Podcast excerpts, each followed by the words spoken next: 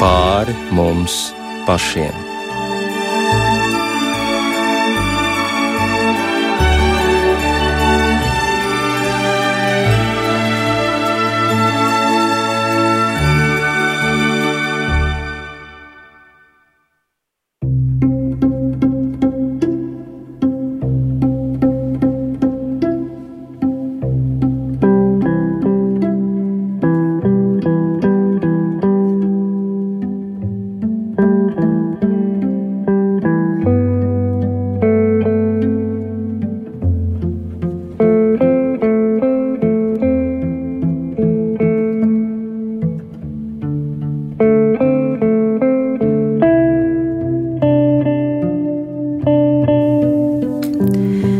Eterā raidījums pāri mums pašiem, lai ir slavēts Jēzus Kristus, kura dzimšanas svētkus mēs svinam šajā laikā.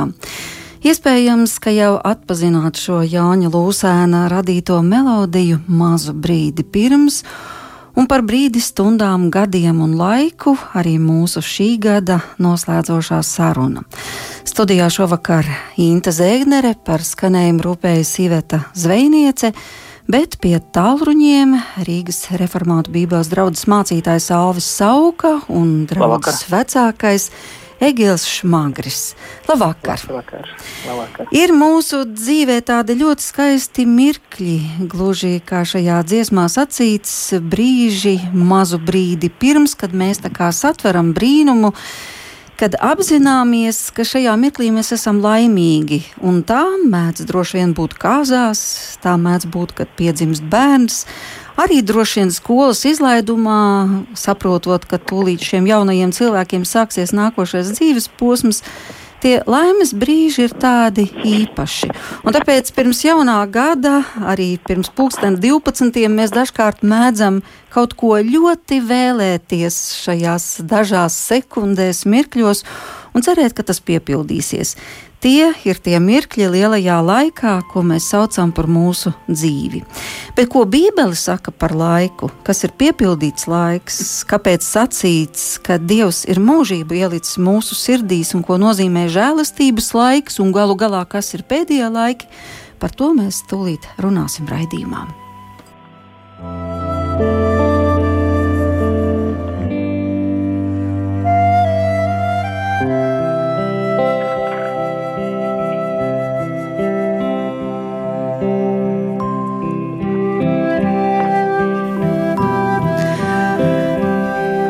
Platons ir sacījis, ka laiks tas ir mūžības kustīgais attēls. Nu, jāsaka, ļoti skaisti teicis, un senajā Romā, antīkajā Grieķijā laiku uztvēra kā apli, kā ciklisku, kas bez sākuma un bez gala atkārtojas un atkārtojas, un iespējams arī cilvēks kā rotaļlieta dažādu dievu rokās ir paklau, pakļauts liktenim.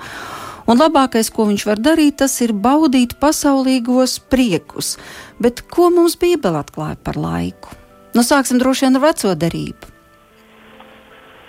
Nu, mums jau patiesībā vecā derība dod, dod iesākumu un, un, un, un norāda arī uz beigām. Mums vecā derība iesākās ar radīšanas stāstu. Mums iestās, iesākās ar, ar, ar, ar dārzu ēdenē, Mums iesākās ar, ar, ar, ar, kokiem, ar, ar, ar, brīnišķīgu, ar brīnišķīgu sadraudzību starp cilvēkiem, tad šī gadījumā starp diviem un dievu.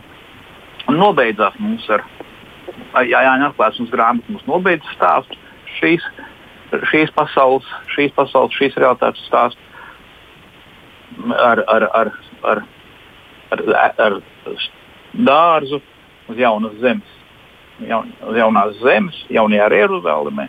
Tas ir dzīvības koks, tāpat kā ēdienas dārzā.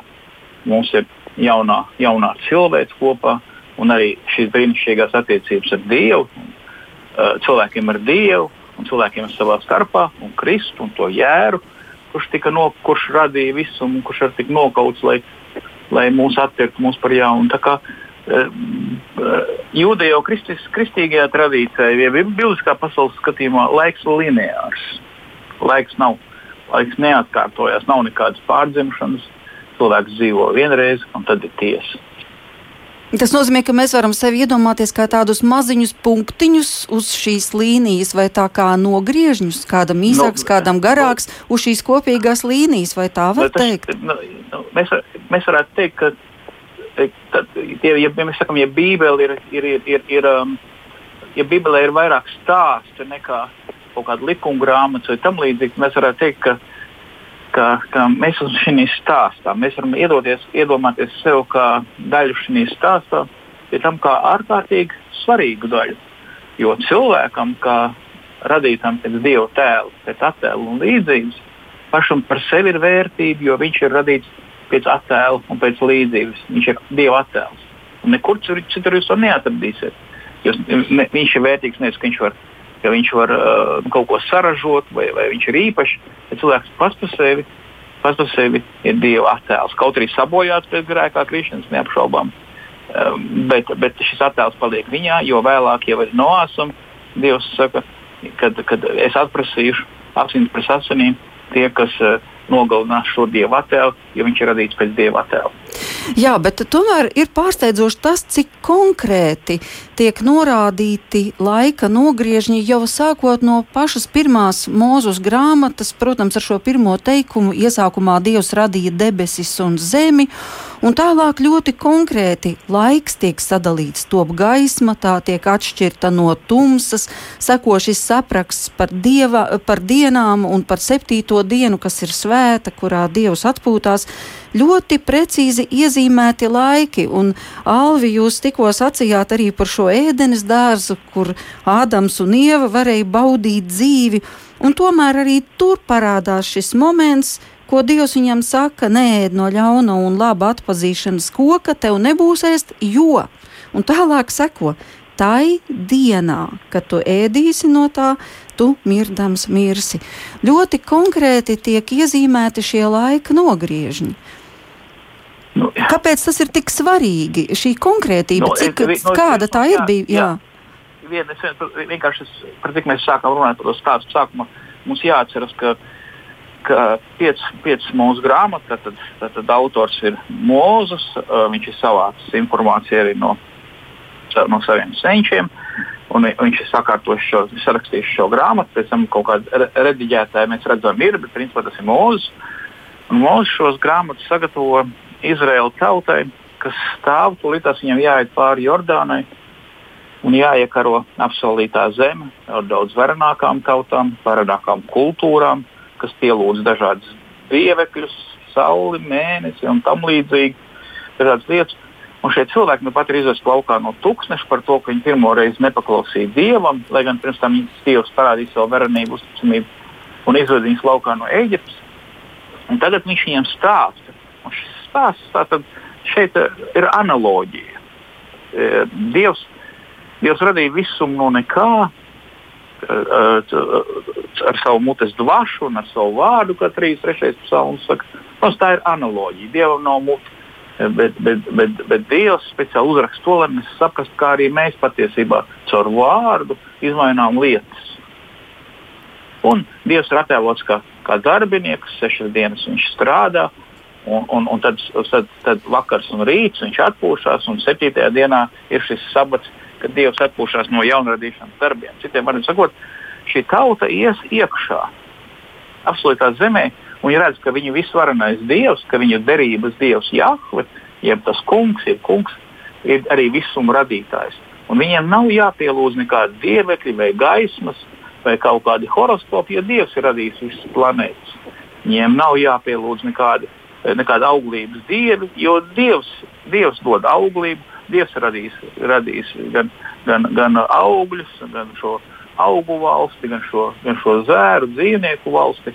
Citiem sakot, ja tam Dievs ir labs, Viņš ir radījis visu labi viņiem, lai viņi varētu vairoties, lai viņi varētu pārvaldīt šo zemi, labi, kā labi namturi, pārvaldīt, kur viņiem būtu labi dzīvot un lai viņi vairotos. Pareizi, un, viņš jau viņiem iedod, kas ir labi.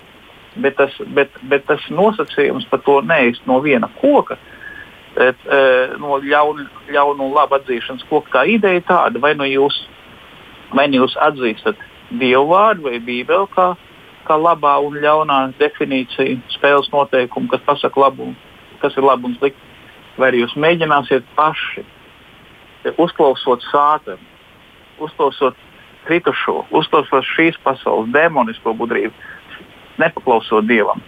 Tātad uh, definēt, paši definēt, paši sev uzskatīt par dieviem un pateikt, nē, tas ir labi un tas ir slikti. Nu, labi, bet ja mēs atgriežamies vēlreiz pie šīs konkrētības, pie laika konkrētības, jā, e, jūs jau minējāt arī Noā un šo šķirsta darināšanu, bet arī tur ir ļoti konkrēti sacīts, to mēs varam izlasīt.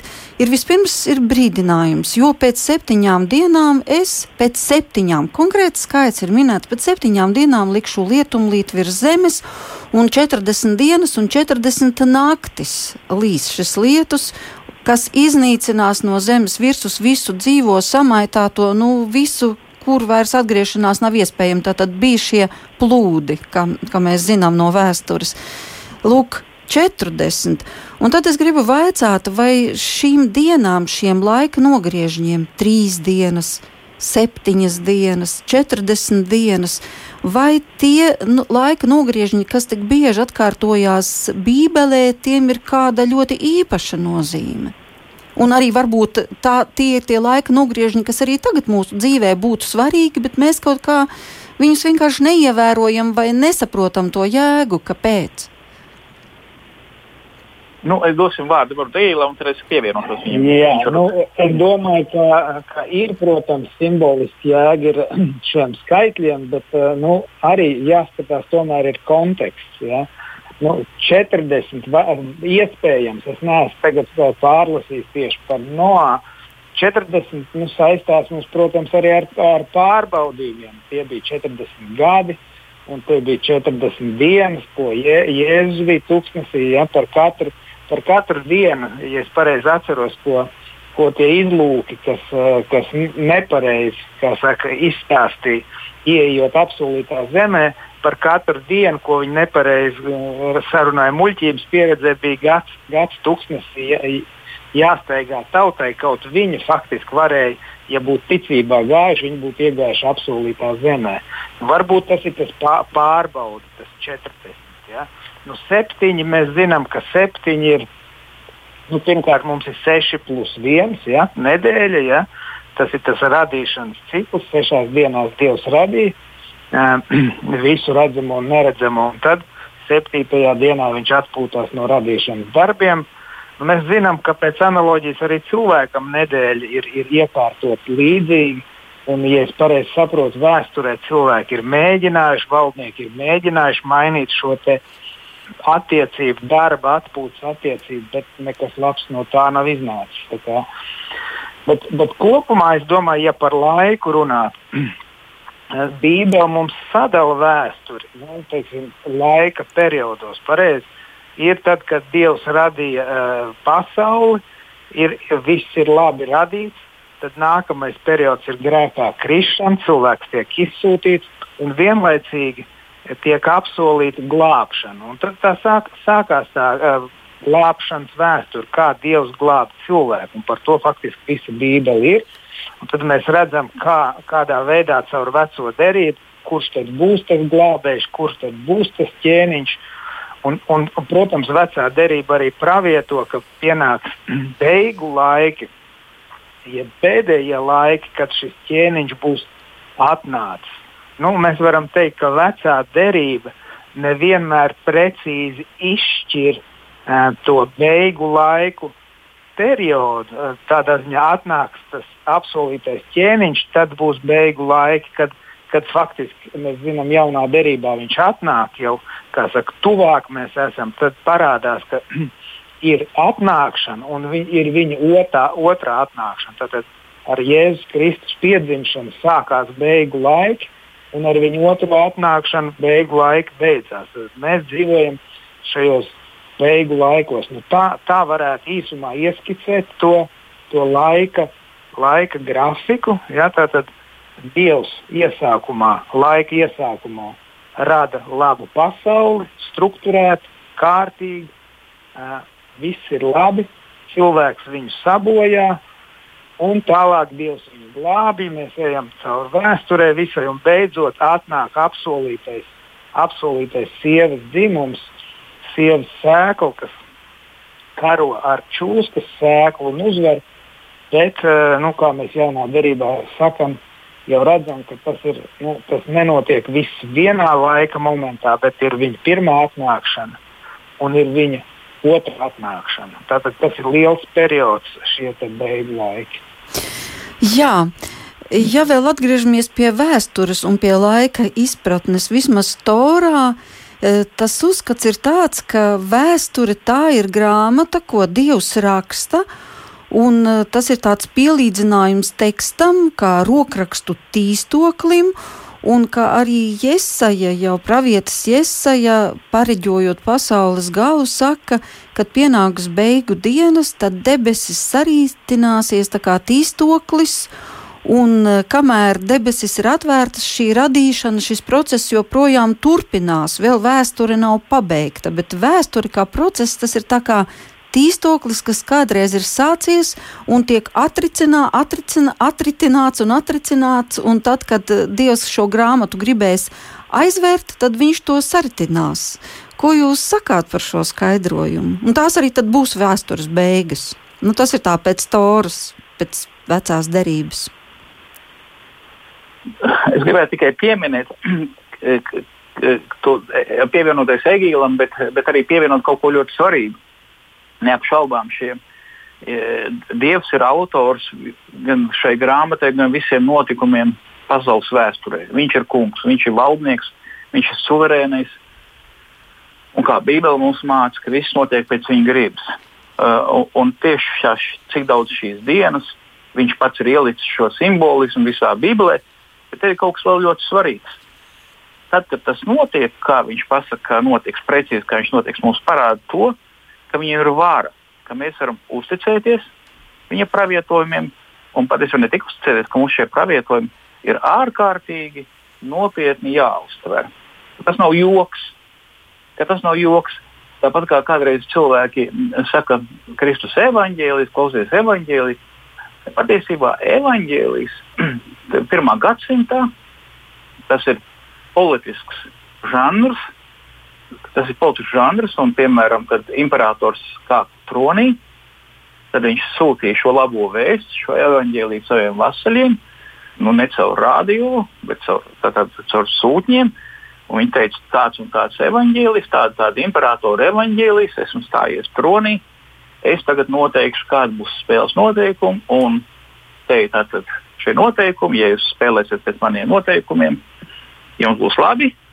Jūs, ja jūs nespēlēsiet pēc maniem noteikumiem, nu, paskatieties apkārt, krustos jau vēl kāds karājās sasist.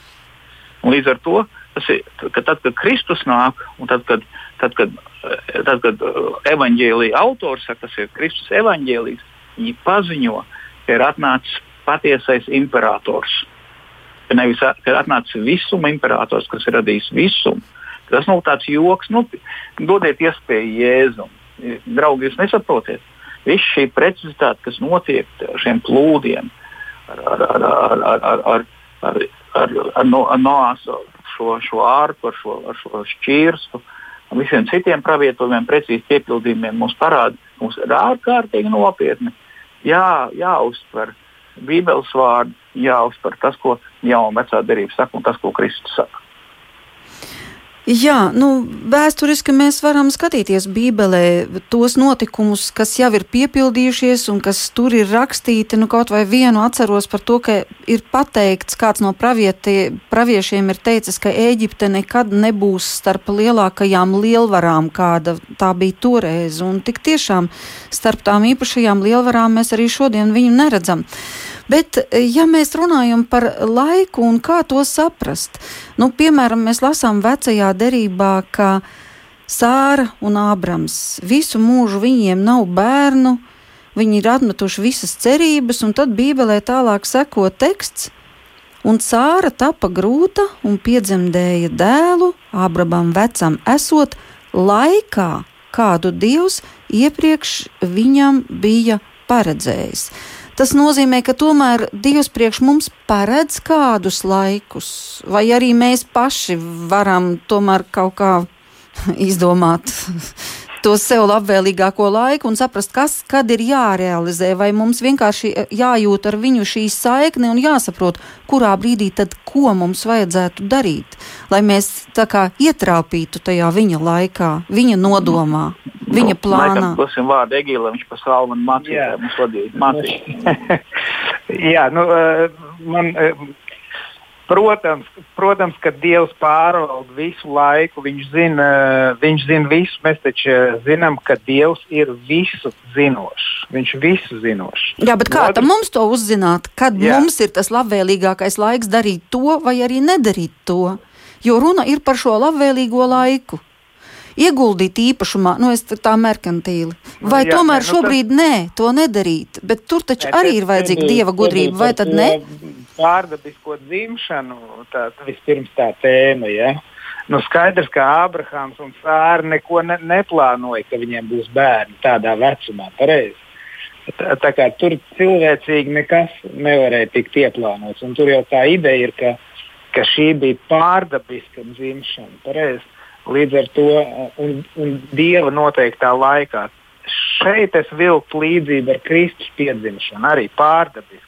Jo, jo Dievs ir tas, kas atver klēpju un aizver klēpju sievietē. Pareiz.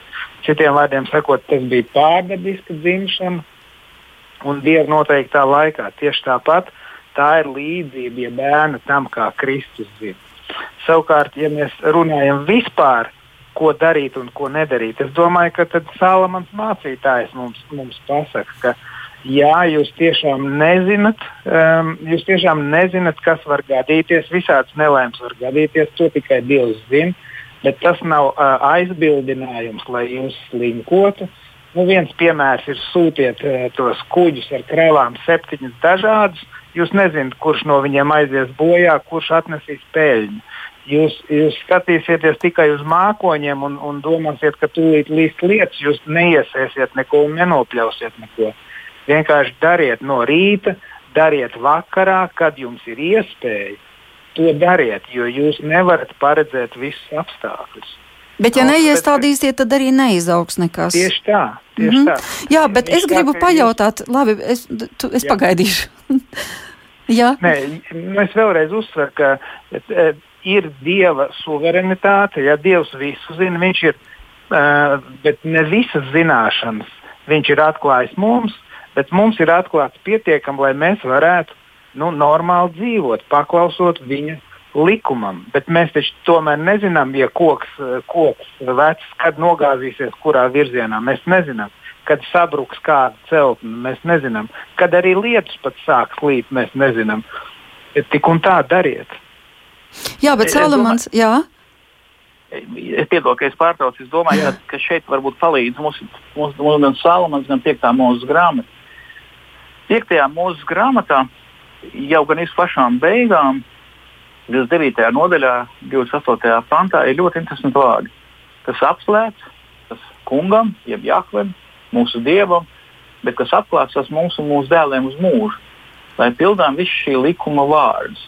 Citiem vārdiem sakot, Dieva suverenitāte, cilvēku atbildība. Mēs nezinām visu, kas notiek, bet Dievs ir parādījis mums, kāda ir kārtība, kāds ir pienākums, kas mums ir jādara. Un, un, un, un, un mums viņš devis saprātu. Atcerieties, Salamana mācītājā, vēlāk mums arī Egils arī palīdzēs sagāt, arī, kur, kur ir savs laiks, savs laiks, kā saka, stādīt, savs laiks priecāties, savs laiks mest akmeņus un tam līdzīgi, ka vīndārs, eh, tā ideja tāda, cik es saprotu, un saka, man palabos, ja vajadzēs, ka tā ideja, ka Dievs ir ielicis, Dievs ielicis katrai lietai savu laiku, un mums ir arī jāmācās būt laicīgiem. Mums ir dots saprāts, mums ir dots dievvvārds, mums ir, mums ir dots tāpat arī, arī eh, Salmana pa, pamācībās, jeb sakām vārdos, ir ir ej klaudziņi, klaušiņi, uzzini no cilvēkiem, kas zina padomu un, un darbojas. Jā, ja, tiešām, kā, ja tur tiešām būs slings, kā būs slings, ja tu, ja tu neskatīsies no, no skudrām, nu, tad tev tiešām nekas nebūs. Nu jā, labi, vēl viens teikums pirms ejam muzikālā pauzē. Starp citu, Lūk, Salamans arī saka kādu ļoti svarīgu atziņu. Viņš saka, ka visu Dievs ir savā laikā jauki iekārtojis, un pat arī mūžību viņš ir licis cilvēku sirdīs. Žēl tikai, ka cilvēks nevar izprast Dieva darbu, ne tā iesākumu, ne galu. Ko viņš ir gribējis teikt ar šiem vārdiem? Nu, jā, tas ir trešā nodaļa, ja es pareizi saprotu. Ja? Tātad nu, tā ideja ir, ir sekojoša, ka viņš visu ir iekārtojis atbilstoši īstajā laikā. Es domāju, ka atbilstoši ir uh, labāks tulkojums nekā jauks.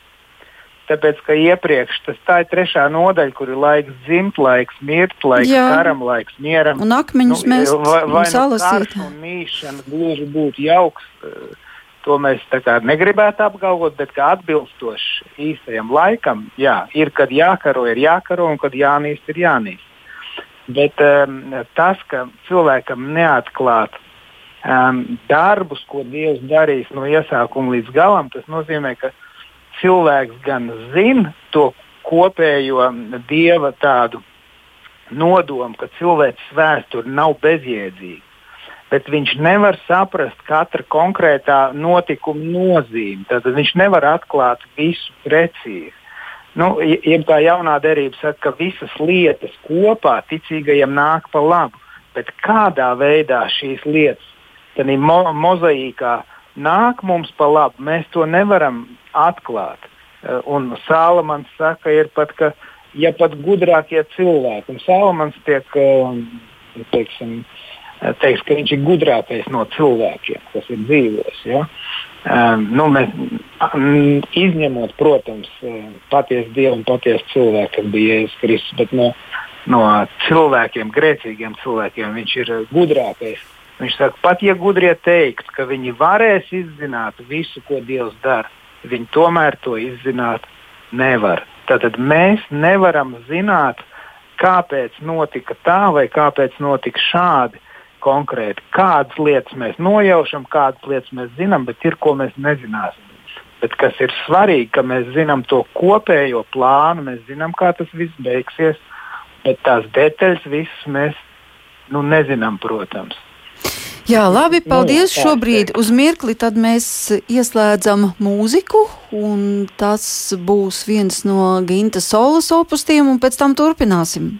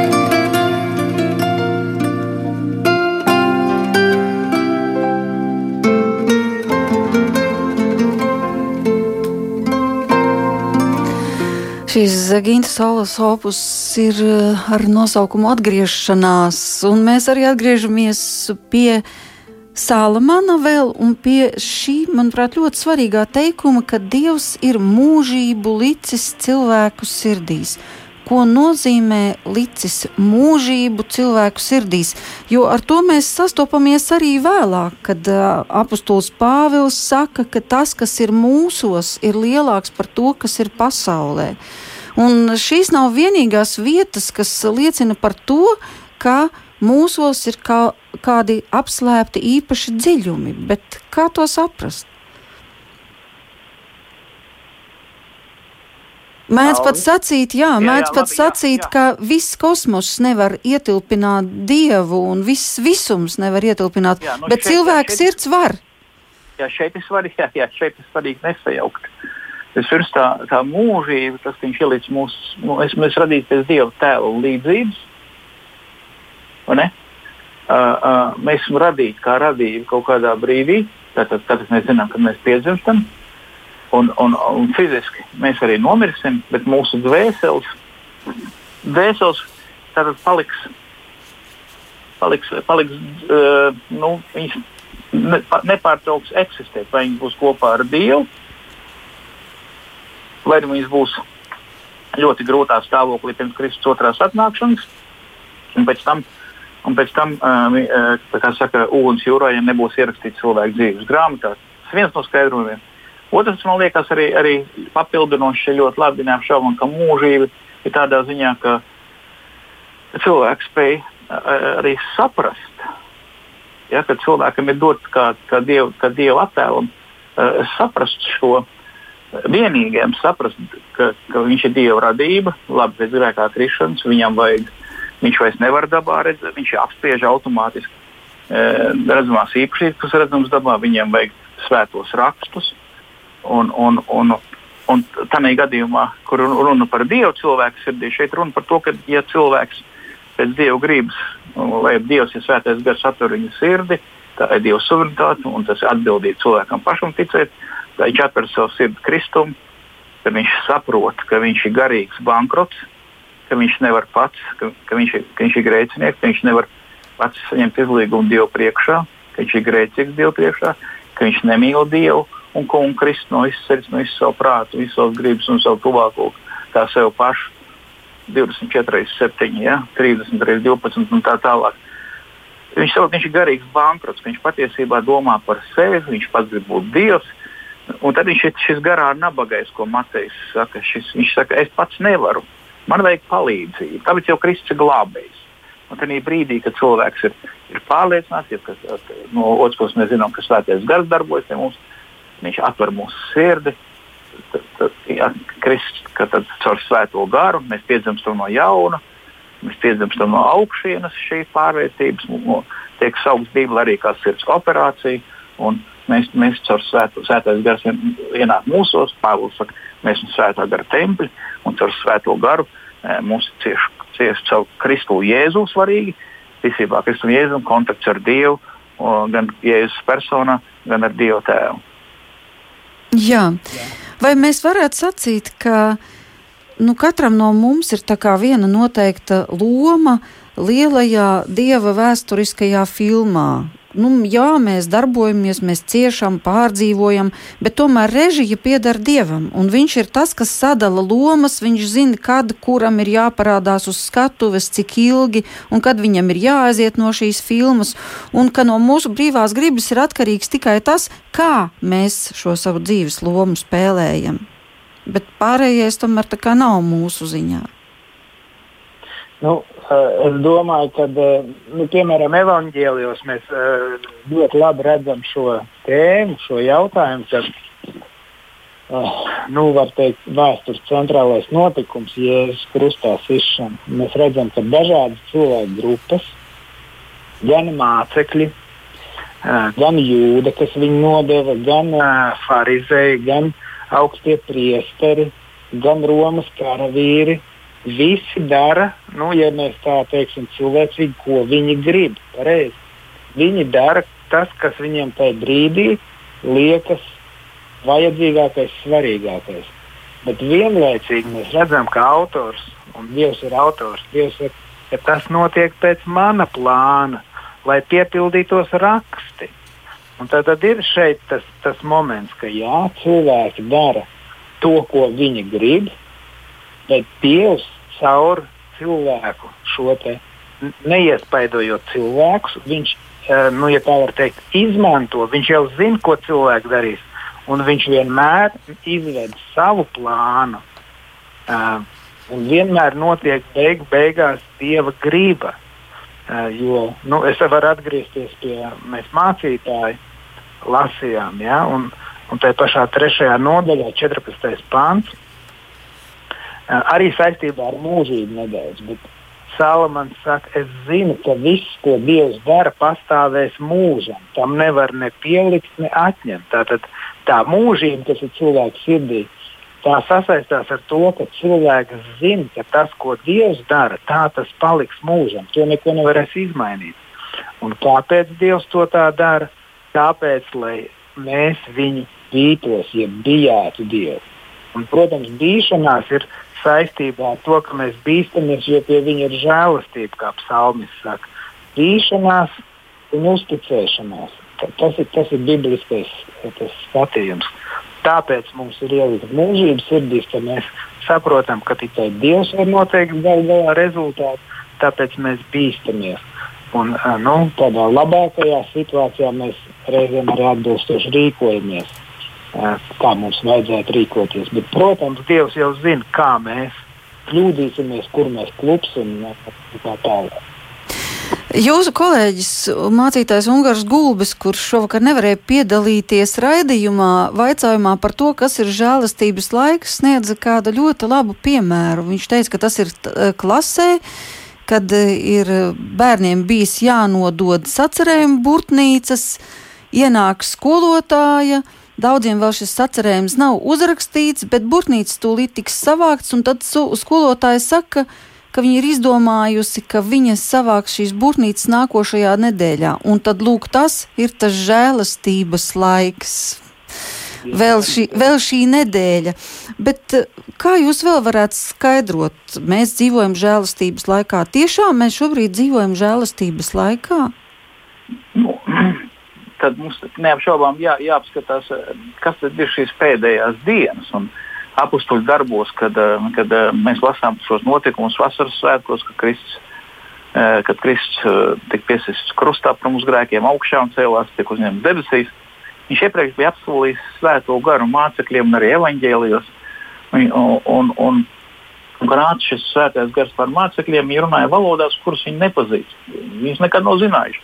Ja tāpēc tie, tie cilvēki, kas bija tie jūti, kas bija sanākuši uz vasaras svētkiem, uh, uz Jeruzalem, viņi bija pārsteigti, jo šie cilvēki zināja runāt to zemju valodās, no kurām šie cilvēki nāk. Viņi saka, vai tas šitie no, no, no, no zvejnieki, no galilieši, kādās, kādas viņi tik vārdus nemāca. Vai varbūt viņi piedzēršas kaut ko murminu, mums liekas, ka viņi runā citās valodās. Un Pēters piecēlies un saka, nē, viņi nav piedzērušies jo vēl tikai dienas trešā stunda, bet tagad notiek tas, kas sacīts ar pravieti Joēlu. Pēdējās dienās notiks, no, eh, dienās notiks, saka Dievs. Uh, un kas šīs dienās notiks, tiks ir lietas gars un viss pravietos. Un vēlāk pēc garās sarunas viņš garu runu viņš pie parāda, viņš pierāda, ka, ka Dāvids ir pravietojis par to, ka, ka Jēzus augšām cēlies. Un, un 32. pantā viņš jau saka, ka redzi šo jēzu, Dievs ir augšām celts, tam mēs visi esam liecinieki. Ar Dievu labo roku paaugstināts, saņēmis no tēva apsolījumu par svēto garu. Viņš to izlēja, kā jūs redzat un dzirdat. Un Dāvids gan neuzkāpa debesīs, tomēr viņš saka, kungs sacīja manam kungam, jeb Jāklis sacīja manam kungam, sēdies man pie labās rokas. Līdz es lieku tos ienaidniekus par kājas valsts zem tavām kājām. Lai viss Izraels nams no tagad nešaubīgi zina, ka Dievs lika viņu par kungu un kritu šo jēzu, kur jūs piesitāt krustā. Nu, par ko tad viņš saka? Viņš saka, jūs redziet, viņš saka, draugi, tas, tas, ko jūs tagad redzat, šie vārdi, šis, šis jocīgais troksnis, kas bija, tas ir pierādījums tam, ka Kristus tiešām augšām cēlies no mirušiem, uzkāpis debesīs, darīts par Dievu. Tad Tēvs viņu tagad ir nolicis par kungu, Viņš tagad valdīs līdz otrai atnākšanai pār zemi. Viņa rīcībā nodot visa, visa valdīšana. Un, nu, šis svētais gars ir, gar, gars ir izlietis. Tagad ir šie pēdējie laiki, līdz Kristus nāks otro reizi. Un šis ir žēlastības laiks, jo, kā Egils ir sākumā teica, ka vecajā derībā, ja var teikt, ir tādas divas, divas, divas apsolījuma līnijas par uh, div, div, divi temati. Viens, viens temats ir, kad ka šis mesija, šis Kristus, šis Dieva Kristus, kas būs no jūdas cilts, no Dāvida nama, viņš atnāks kā, kā ciešanu kalps, kas mūsu grēku dēļ tiks, tiks iznīcināts kā upuris, kā sadedzināmais, kā grēku upuris. Viņš, atna, viņš iejās uz, viņš iejās uz, uz, uz, viņš iejās uz, uz, um, uz ezelīša, un viņš būs kā priesteris kas samaksās ar savām asinīm, lai, lai Izraēlu, lai Dieva tautu atvestu atpakaļ pie Dieva. Tur šie vārdi iezējā. Mēs bijām nomaldījušies kādus un ar viņa, viņa, viņa brūcēm, vienā gadījumā ar viņa krusta brūcēm. Mēs esam visi dziedināti, mūsu attiecības ir dziedinātas. Mēs principā esam atguvuši to, kas mēs, mēs, mēs bijām sākumā, ka mums, mums vajadzēja būt, mums vajadzēja būt Dieva bērniem, mums vajadzēja būt kovām attiecībām ar Dievu. Tās mums tagad Kristū ir. Un, un mēs esam to atguvuši. Protams, šī Dieva ķēniņa tas vēl nav pilnībā piepildījies, jo Kristus nav, nav atnācis otru reizi. Bet otrreiz viņš atnāks kā tiesnesis. Un šis laiks ir žēlastības laiks, jo tagad cilvēkiem ir iespēja šī nedēļa, kas ir dota, uzrakstīt. Viņi zina, tos atcerējumus, to savas Jā, dzīves atcerējumu, vai vismaz izlabot kļūdas tajā dzīves atcerējumā. Izlabot kļūdas, tā varētu izmainīt dzīvi, jā, izmainīt dzīvi, saprast, ka noteikti, ka tas nav joks, tas, kad skolotājs noteikti atnāks, bet otrais jau atnāks savā, un tad būs tiesa, un patiesībā katrs jau cilvēks sirds, sirdīs jau zina, vai viņš ir, vai viņš ir pieņēmis Dieva dēlu, vai viņš tic Kristum kā savam glābējam, vai viņš mīl Dievu no visas sirds, biblisko vai ne. Jā, bet ko tad jūs sacītu par šo laiku, kurā mēs dzīvojam? Kā jūs to definētu? Tas pieder tā kā pie pēdējiem laikiem. Nu, tas ir pilnīgi raksturīgi, ka cilvēki meklē zīmes, un arī Jēzus laikā tā ir bijis, un arī viņi jautāja viņam zīmes. Bet kādas tad būs šo pēdējo laiku zīmes pirms viņa otrās atnākšanas? Un tur viņš arī min dažas, tur kari un sērgas. Tad kādā laikā šobrīd dzīvojam, un kā jūs vispār skaidrojat, piemēram, šo 2020. gadu, kuru nu jau, paldies Dievam, to būsim pārdzīvojuši? Tā ir arī kāda īpaša zīme. Mēs jau iepriekš minējām, ka pēdējie laiki ir viss laika posms no Jēzus Kristus nākšanas pasaulē līdz viņai otrai nākšanai. Un, un šīs zīmes, gan kāri, gan ar daudzināšanu, gan vajāšanas, tā tālāk, katastrofas dažādas. Viņas nu, regulāri atkārtojās visos pēdējos laikos. Tad, tad mē, mēs nevaram, mēs sap, tās ir zīmes, kas apstiprina, ka mēs dzīvojam pēdējos laikos, bet viņas mums nepasaka, kad tieši Kristus nāks. Un tur jau, tur jau uh, piemēram, Pēters savā otrā vēstulē runā par to, ka tieši tāpēc, ka joprojām Kristus otrais nav atnācis, ka šajās dienās būs viltus skolotāji, kas, kas ņirks, kur tad ir tas Kristus, ko tad viņš sola, vai tad viņš nenāks. Ja, Pēters saka, ka, ka kungs jau nevilcinās ar apsolījumu, kā daži domā, bet ir pacietīgs, viņš gaida uz mums, jo viņš negrib, ka kādi iet pazušanā, bet grib, lai visi grēki nožēlā atgriežas. Citiem vārdiem, tas, uh, kas mums liekas, kāpēc viņš tik ilgi nenāk, un mēs varam tā ļoti sautīgi paskatīties. Ja viņš būtu atnācis pirms, pirms simts gadiem, mēs, mēs būtu, mūs nebūtu. Citiem vārdiem, mēs nebūtu ar viņu kopā. Ja, tad tā ir žēlastība, ka viņš ļāva mums piedzimt fiziski un, un ļāva mums piedzimt garīgi, ka, ka mēs esam jauns radījums Kristu. Tā, tāpēc mēs sakām, viņš nevilcinās, jo viņš taču zina, kungs zina visus, ko viņš ir izredzējis, un vēsture ātrāk nebeigsies, iekāms visi, visi, visi kas ir izredzēti, kas, kas ticēs uz Kristu, ieies viņu, viņu ķēniņu valstī. Tātad, protams, šī ziņā tas ir žēlastības laiks, tas viss lielais vēstures periods. Un, nu, ja mēs skatāmies uz konkrētu cilvēka dzīves laiku, no dzimšanas līdz, līdz fiziskai nāvei, viņam ir žēlastības laiks, viņš var atzīt un pieņemt Kristu. Mēs taču varam atcerēties, ka, kā bija tā līdzība, ko Jēzus stāstīja par Lāceru un to bagāto vīru. Ja, kad, kad tas bagātais vīrs kamēr viņš dzīvoja, viņš to lācu ar kalpinājumu. Viņš nebija ticīgs, bet kā nomira, viņš ieraudzīja, ka nabaga lācars ir pie Abrahama krūts, tiem vārdiem viņš ir pie Kristus tuvumā. Un, bet viņš tur nav, un viņš ir lielās ciešanās. Viņa žēlstības laiks bija beidzies. Reiz. Respektīvi, ir tas žēlstības laiks, tie kontroldarbi kaut kad būs jānodod. Jā, ska, jā, vēl Alvis gribēja piebilst. Jā, jā nu, pareizi.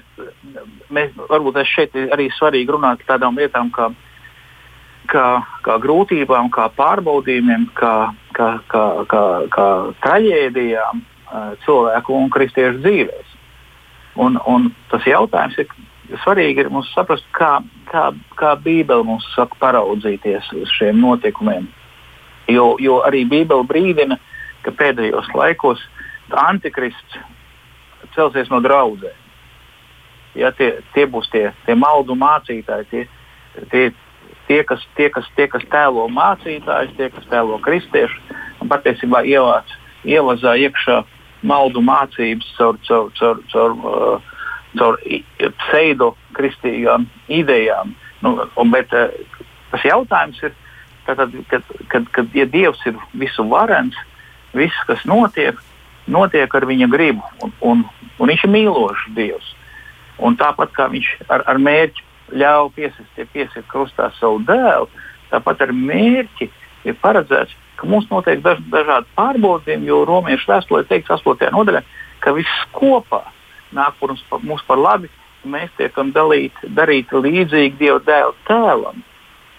Un Jēkabs savā vēstulē saka, ka reiz, kad par jums un brāļu māsu nāk dažni dažādi pārbaudījumi, uzņemiet to ar vislielāko prieku.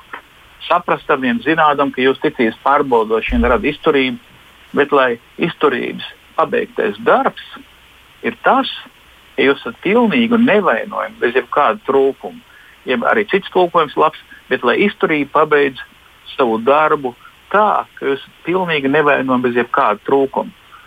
Un, un, protams, tajā brīdī, kad cilvēkam nāk šie pārbaudījumi, šie, viņš, viņš nav priecīgs. Bet, bet ja viņš saka, esmu kristietis, no kurienes tas smelšos gudrību? No, no šīs zemes gudriem, no demoniskās gudrības vai no augšienes? Ko es pieņemšu? Viņš saka, labi, es lasīšu Bībeli un skaidrs, piektais pāns jau saka, bet ja kādam no jums trūkst gudrības, lai viņš lūdz Dievu, kas labprāt dod visiem, eh, neko nepārmestams, viņam tiks dots. Lai viņš lūdz ticībā, bez šaubīšanās, lai viņš nav divkosīgs, ar šķeltu dvēseli, nevienu vienā brīdī meklēt padomu pie laicīgiem, pēc tam pie Bībeles, tas jums nekas nesanāks.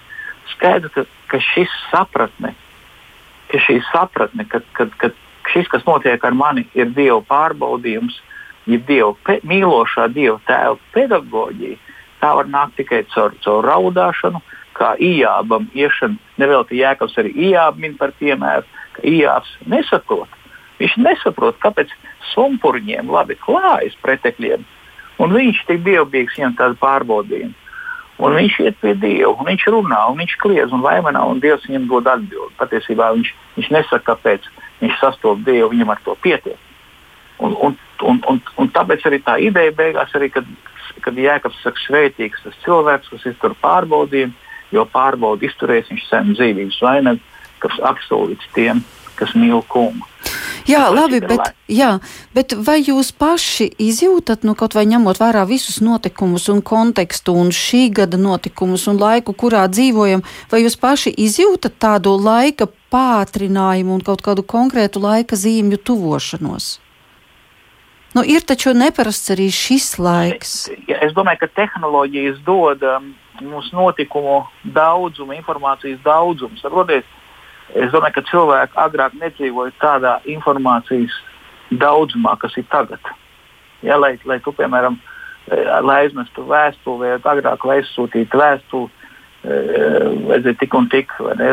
Vai, vajadzēja, lai piezvanītu pa telefonu uz Ameriku, man vajadzēja pieteikt sarunu, vajadzēja samaksāt un tam līdzīgi, vai skatīties ziņas un tam līdzīgi. Tagad tas viss notiek, notiek, notiek ļoti ātri. Līdz ar to tas viss ir kā sakrits mums nabaga cilvēkiem virsū. Un, un šī brīdī ir ārkārtīgi grūti, kādreiz ir ārkārtīgi, pareizāk sakot, ārkārtīgi viegli pazaudēt to ideju, ka patiesībā Dievs jau kontrolē visu, viss jau notiek ar viņa gribu. Viņš jau nekas jau nav mainījies. Radība jau nav kļuvusi par kungu. Viņš jau joprojām ir kungs un valdnieks. Kungs Kristus, kas radīja visu un ko radīja visu. Viņš arī tagad ir kungs. Viņš būs vēlāk tiesnesis. Viņš arī mūsu brālis mūsu draugs. Jā, nu arī mūsu raidījuma laiks ļoti strauji aizrit. Es atceros, kā kādreiz filozofs Andris Rubens, kurš nu jau ir mūžībā, viņš sacīja, ka 21. gadsimts ir pats nežēlīgākais, jo viņš nolaupa cilvēkam vissvarīgāko, un tas ir viņa laiku, jo tik aizņemti kā šajā gadsimtā laikam vēl nekad mēs neesam bijuši. Bet gribu, lai jūs novēlētu mūsu klausītājiem kā to lēno laiku atrast, kā tajos simts sīkumos nesasmalcināties un kā to mūžību piedzīvot, kas ir mūsu sirdīs ierakstīta. Egils, es, saku, es... Nu, es novēlētu katram klausītājam pirmkārt nostiprināties pamatā, kas ir bibliskais pasaules skatījums, uzticēties Kristum. Un tad ātrs laiks mums ir vai lēns laiks, vai daudz vai maz mēs sapratīsim, ka katras grūtības, katru mūsu asaru Dievs izmanto, lai stiprinātu mūsu ticību. Jā, mums tas nepatīk, bet kā psalmists saka, mēs zinām, mēs ejam droši pat tad, ja tā iela ir ļoti tumša, pat ja tā ir nāves ēnas iela.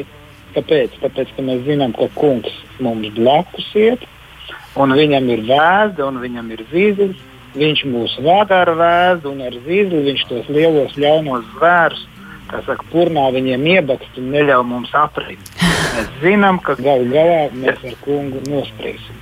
Jā, un es ieteiktu arī, kā saka, atrast laiku, ieplānot laiku, regulāri lasīt dievu vārdu, un tajā brīdī, vai tas jums ir 30 minūtes, vai, vai 20 vai 40, tajā brīdī nekur nesteigties, lasīt, izbaudīt, atcerieties, tā ir Dieva tēva, tā visvarenā Dieva tēva, mīlošā Dieva dēla Kristu vēstule jums. Jūs nekad neziniet, kā viņš uzrunās, kā viņš jūs iedrošinās.